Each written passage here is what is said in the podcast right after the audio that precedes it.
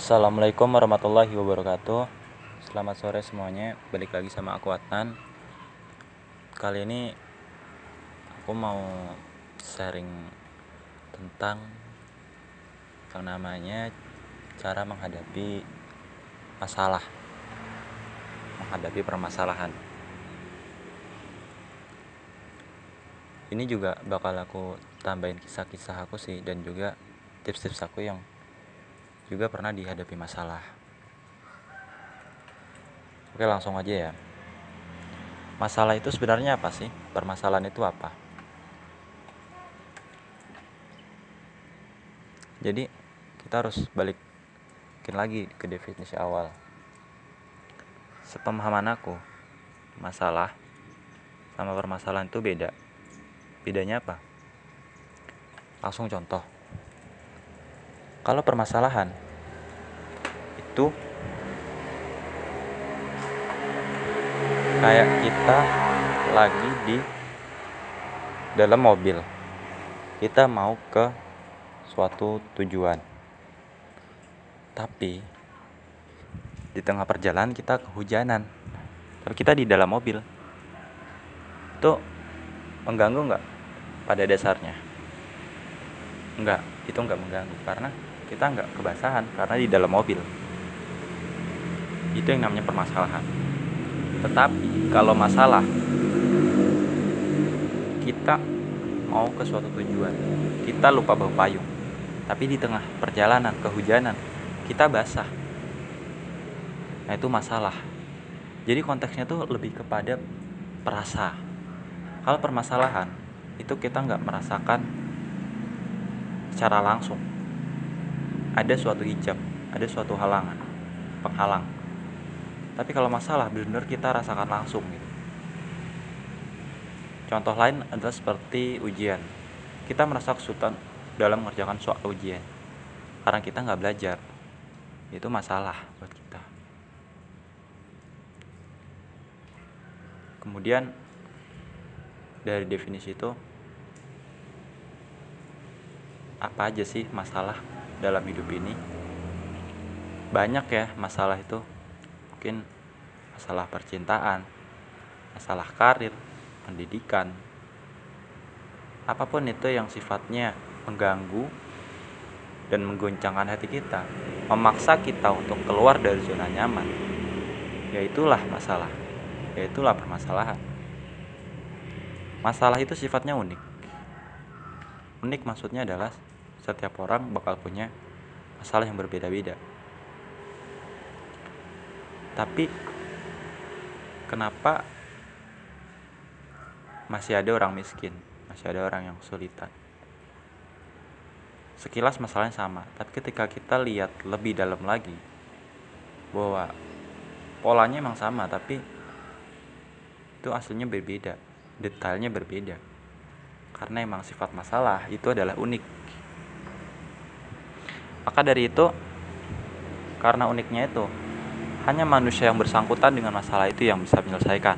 Siapa yang tahu bahwa masalah itu hanya itu yang menyelesaikan? Tuhan, Allah. Allah Subhanahu wa taala yang paham. Oh, masalah ini cuma bisa diselesaikan oleh hambaku yang ini. Masalah yang itu cuma bisa diselesaikan oleh hambaku yang itu. Jadi nggak akan yang namanya kebolak-balik masalah itu Gak mungkin dong masalah A yang harusnya untuk orang A malah jadi orang B.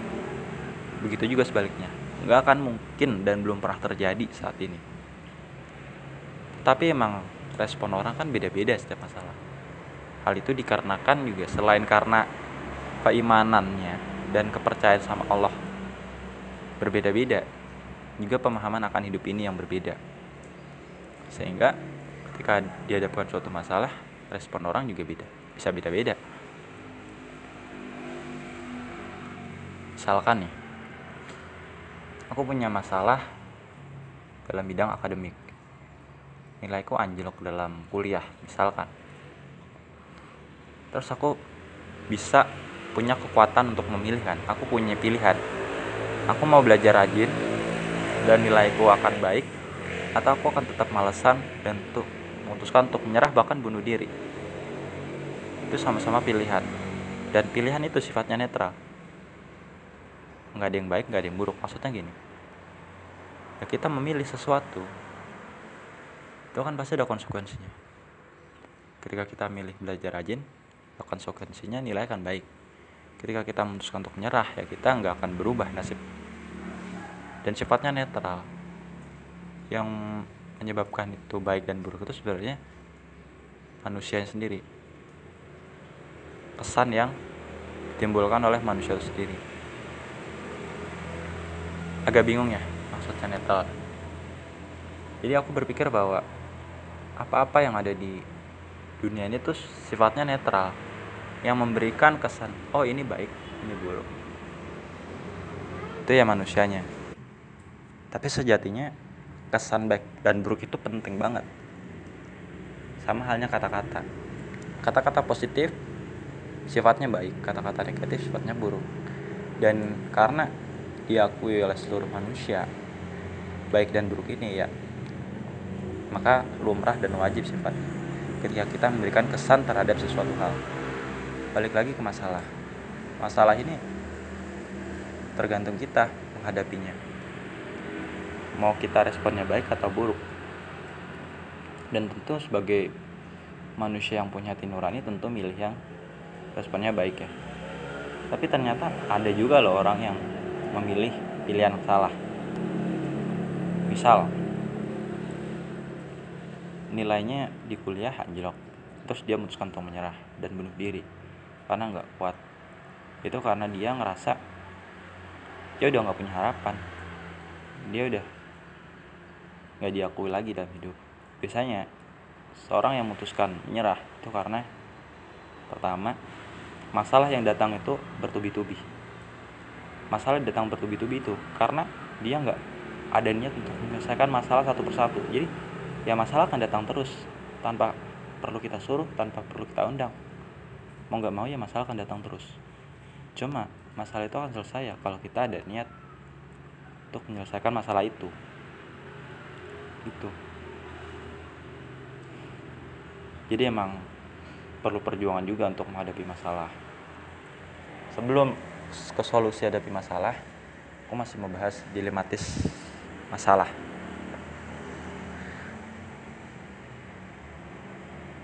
Orang kaya punya masalah orang miskin punya masalah.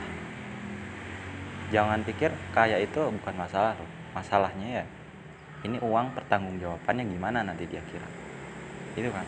Orang miskin juga ada masalah. Ini saya aku nggak bisa makan aku nggak bisa hidup gimana nanti aku kerja kalau nggak ada tenaga? Ya semua hidup penuh masalah karena dunia ini pada dasarnya adalah masalah.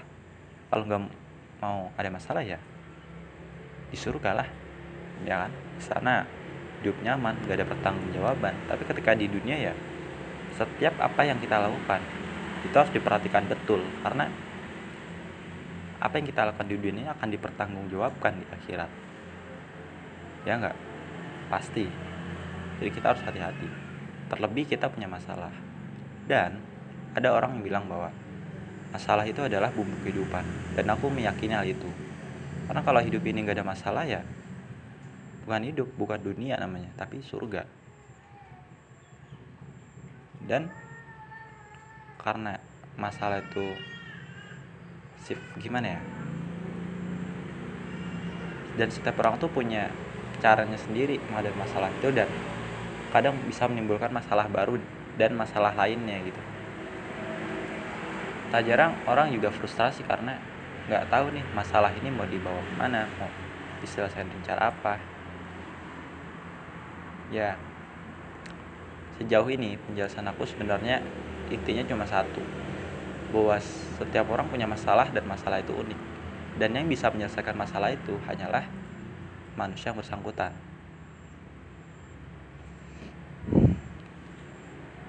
kita nggak bisa berpikiran bahwa aku nggak mau punya masalah.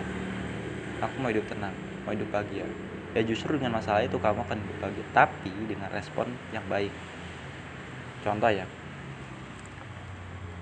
aku punya masalah di karir. Ditolak terus wawancaranya. Padahal aku udah berlatih dengan baik. Gimana ya? Kenapa ya? Kenapa hidup ini gak adil? Apakah masih ada tahap yang harus aku lakukan. Nah kita harus berpikir positif dulu. Kita udah ningkatin skill. Tapi nasib tak kunjung membaik.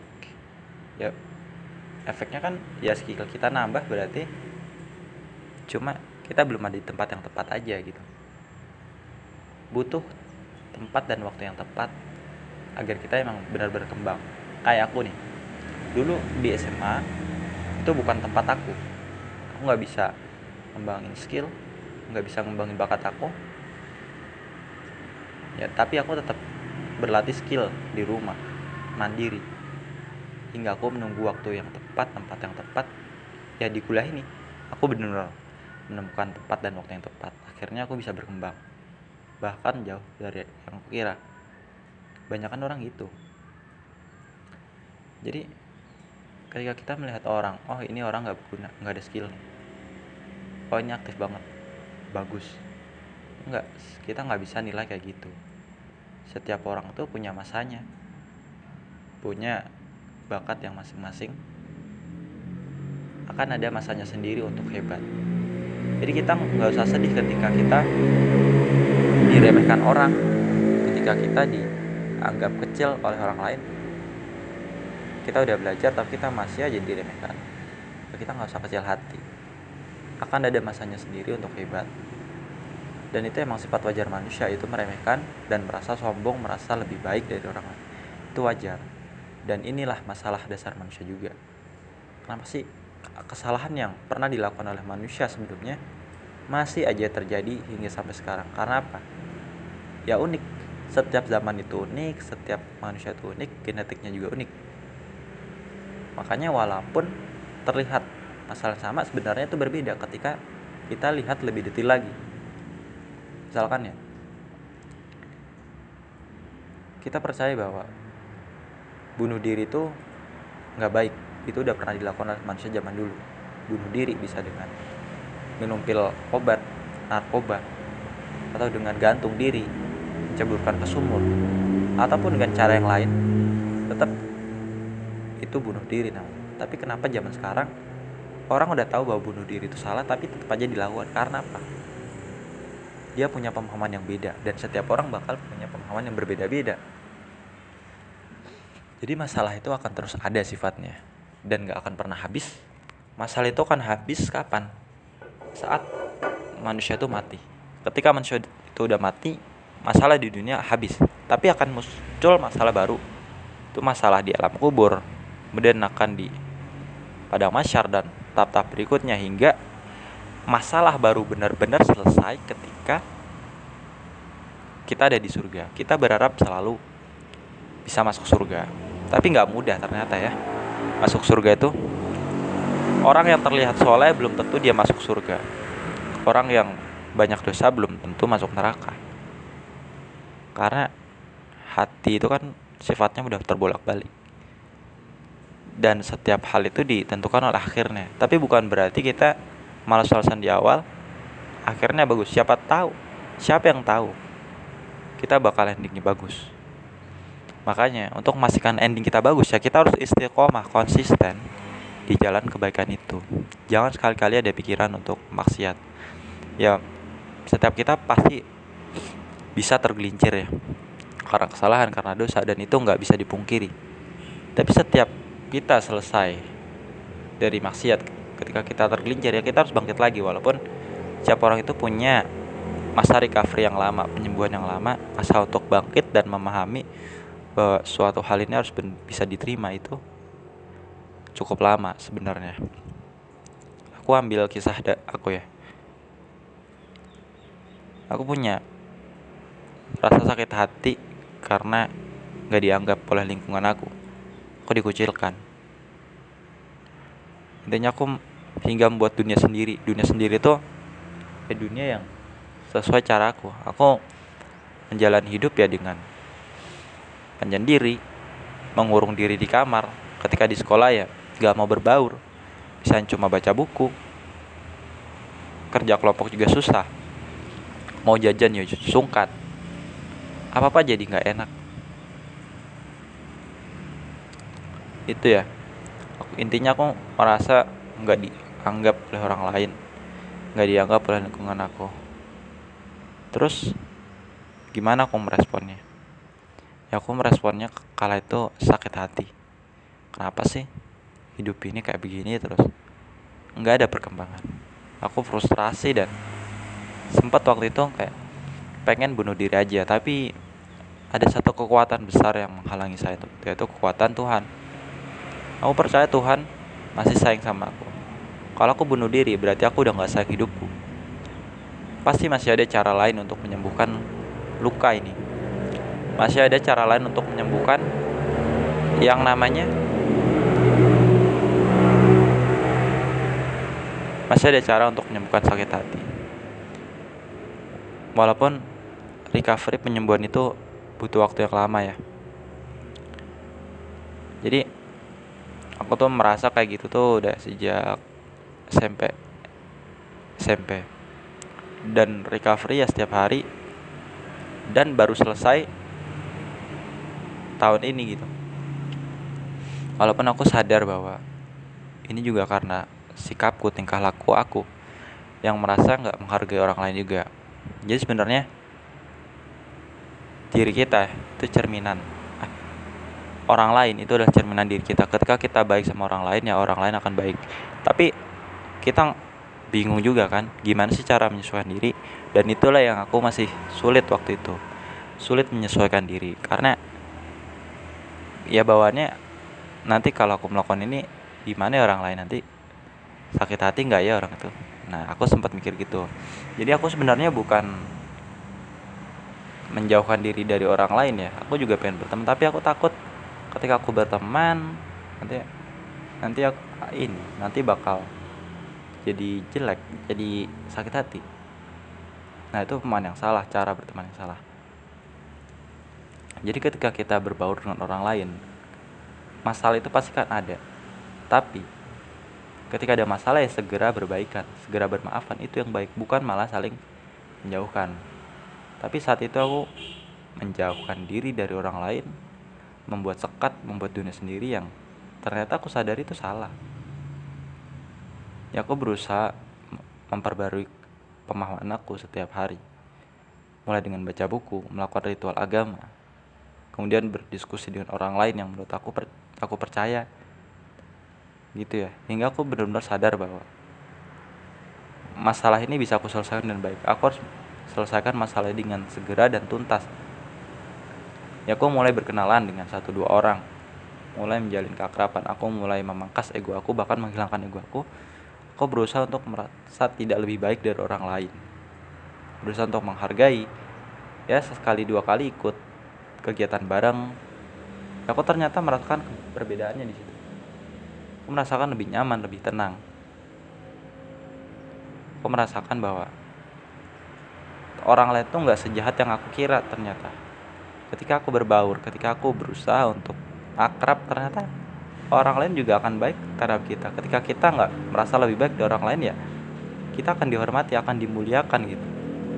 Itu ya kisah haruku ketika memahami arti sebuah pertemanan persahabatan. Begitu halnya juga dengan percintaan masalah karier dan pendidikan dan juga masalah lainnya yang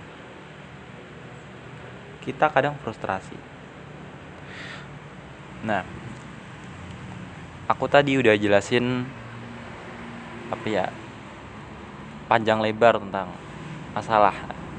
Sekarang gimana sih solusinya agar kita punya hati yang lapang, agar kita punya semangat lagi ketika ada masalah?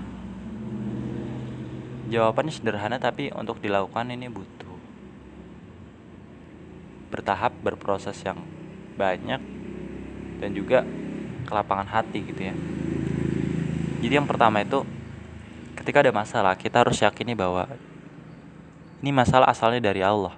Dan apa pun yang dari Allah itu akan selalu berakhir baik ketika kita yakin sama Allah. Kita harus yakin sama Allah.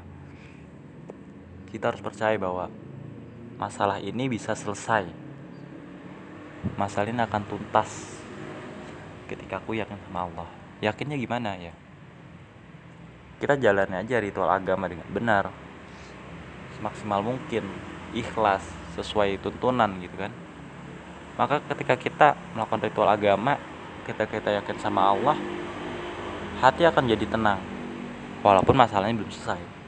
Tapi yang penting hatinya udah tenang damai. Pikiran kita akan akan terbuka oleh banyak solusi banyak pilihan dan ketika memutuskan sesuatu hal kita akan jadi lebih bijak. Lebih paham mana sih yang harus aku ambil agar masalah ini tuntas. Dan untuk menyelesaikan masalah juga bertahap gitu. Nggak bisa sekali jadi. Bertahap.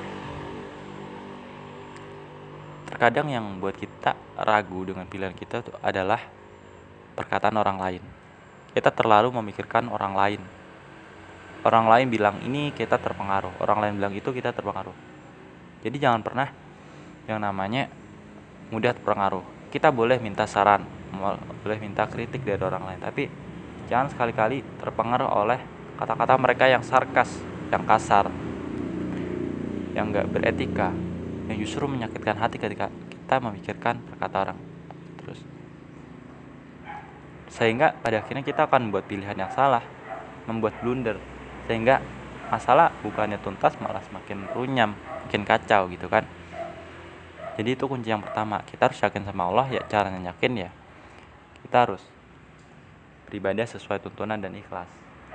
Itu cara yang kedua adalah kita harus rajin-rajin bersabar. Karena ya sabar itu kan setengah iman. Sabar itu bukan berarti diam ya. Diam tapi bersabar itu ya tetap berusaha semaksimal mungkin sembari berpikir mana pilihan yang tepat. Sama seperti kita menghadapi perkataan orang. Masalah semakin pelik, ya kita harus sabar. Sabarnya tuh ya tetap tenang, memikirkan masalah, pikirkan satu persatu, pasti jalan keluar akan masalah itu akan terbuka lebar. Tetap kembali lagi kita nggak usah repot-repot mikir orang lain gitu, karena ya ini masalah kita ya cuma kita yang bisa nyelesain. Orang lain anggap aja kayak anjing menggonggong angin lalu. Gak penting buat hidup kita. Toh hidup kita juga terbatas. Ya masa kita ikhlas mikirin orang lain kan enggak kita cuma akan menghabiskan usia kita kalau mikirin orang lain. Jadi yang kedua itu kita harus banyak-banyak bersabar. Bahkan dalam Al-Quran tuh disebutkan bahwa kunci dalam menyelesaikan masalah itu ya sabar dan sholat. Sabar didahulukan dibanding sholat. Padahal sholat kan tiang agama ya. Bukan berarti lebih tinggi ya. Tapi sabar itu juga utama kunci utama dalam menyelesaikan masalah. Di sana ada tawakal rasa rendah diri kepada Allah rasa rendah hati. Kita menghambakan diri bahwa kita itu manusia yang lemah bukan siapa-siapa maka kita harus mengandalkan Tuhan yang serba punya serba ada maha kaya, maha tahu. Tuhan yang maha tahu, kita nggak tahu apa-apa. Tuhan tahu kenapa masalah ini pantas untuk kita selesaikan, untuk kita hadapi. Tuhan tahu, dan kita baru tahu hikmah dari sebuah masalah setelah bertahun-tahun mengalami masalah itu. Dan itu pasti terjadi. Yaitulah salah satu kebodohan manusia. Dia terlalu mudah menghakimi Tuhan menghakimi suatu masalah karena terlihat jelek, terlihat buruk bagi dia masalah itu. Dan ketika kita benar-benar tahu hikmah dari masalah kenapa masalah ini hanya terjadi padaku, kita akan tersenyum, kita akan terkenang. Oh bahwa aku dulu pernah tuh menyelesaikan masalah itu dan aku berhasil. Akan ada momen seperti itu. Kemudian kunci yang ketiga adalah kita harus perbanyak silaturahmi perbanyak membaca buku literatur. Pokoknya intinya perbanyak ilmu dan silaturahmi.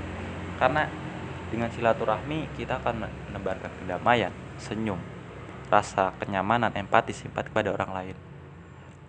Asalkan silaturahmi kepada orang yang udah lama gak kita kunjungi.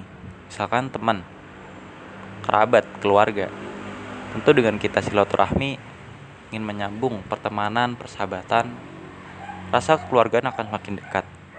Dan masalah juga akan semakin selesai karena kita bisa minta bantuan mereka. Mereka orang kita percaya untuk membantu menyelesaikan masalah kita. Mungkin kita punya masalah keuangan mereka bisa minjam kita uang. Kita punya masalah pendidikan mereka bisa bantu kita. Apa pun itu dengan silaturahmi masalah akan lebih mudah cepat selesai. Tapi zaman sekarang untuk menjalin hubungan yang erat akrab itu sulit. Karena setiap orang egonya semakin tinggi. Di mana teknologi juga semakin canggih orang merasa bisa sendiri. Merasa paling hebat dengan teknologi itu. Padahal ya kembali lagi teknologi itu kan cuma membantu. Bukan sebagai pengganti teman pengganti hidup kita enggak. Jadi tetap kita harus silaturahmi. Kalau perlu ya datang langsung.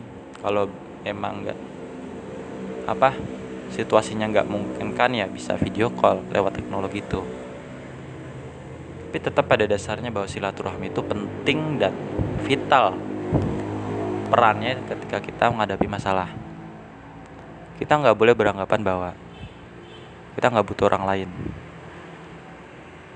Dan dalam Al-Quran pun dijelaskan juga bahwa kenapa sih Tuhan Allah menciptakan perbedaan ini ya agar kita saling mengenal. Agar kita saling bersaudara saling memaafkan saling memahami satu sama lain. Sehingga dari pemahaman toleransi itu kita akan terfokus pada keagungan Tuhan. Kita akan menyadari oh Tuhan itu sangat besar. Gitu loh. Dasar silaturahmi itu ya karena kita kan beragam terdiri dari banyak suku banyak karakter kita harus saling memahami. Ada yang kaya ada yang miskin.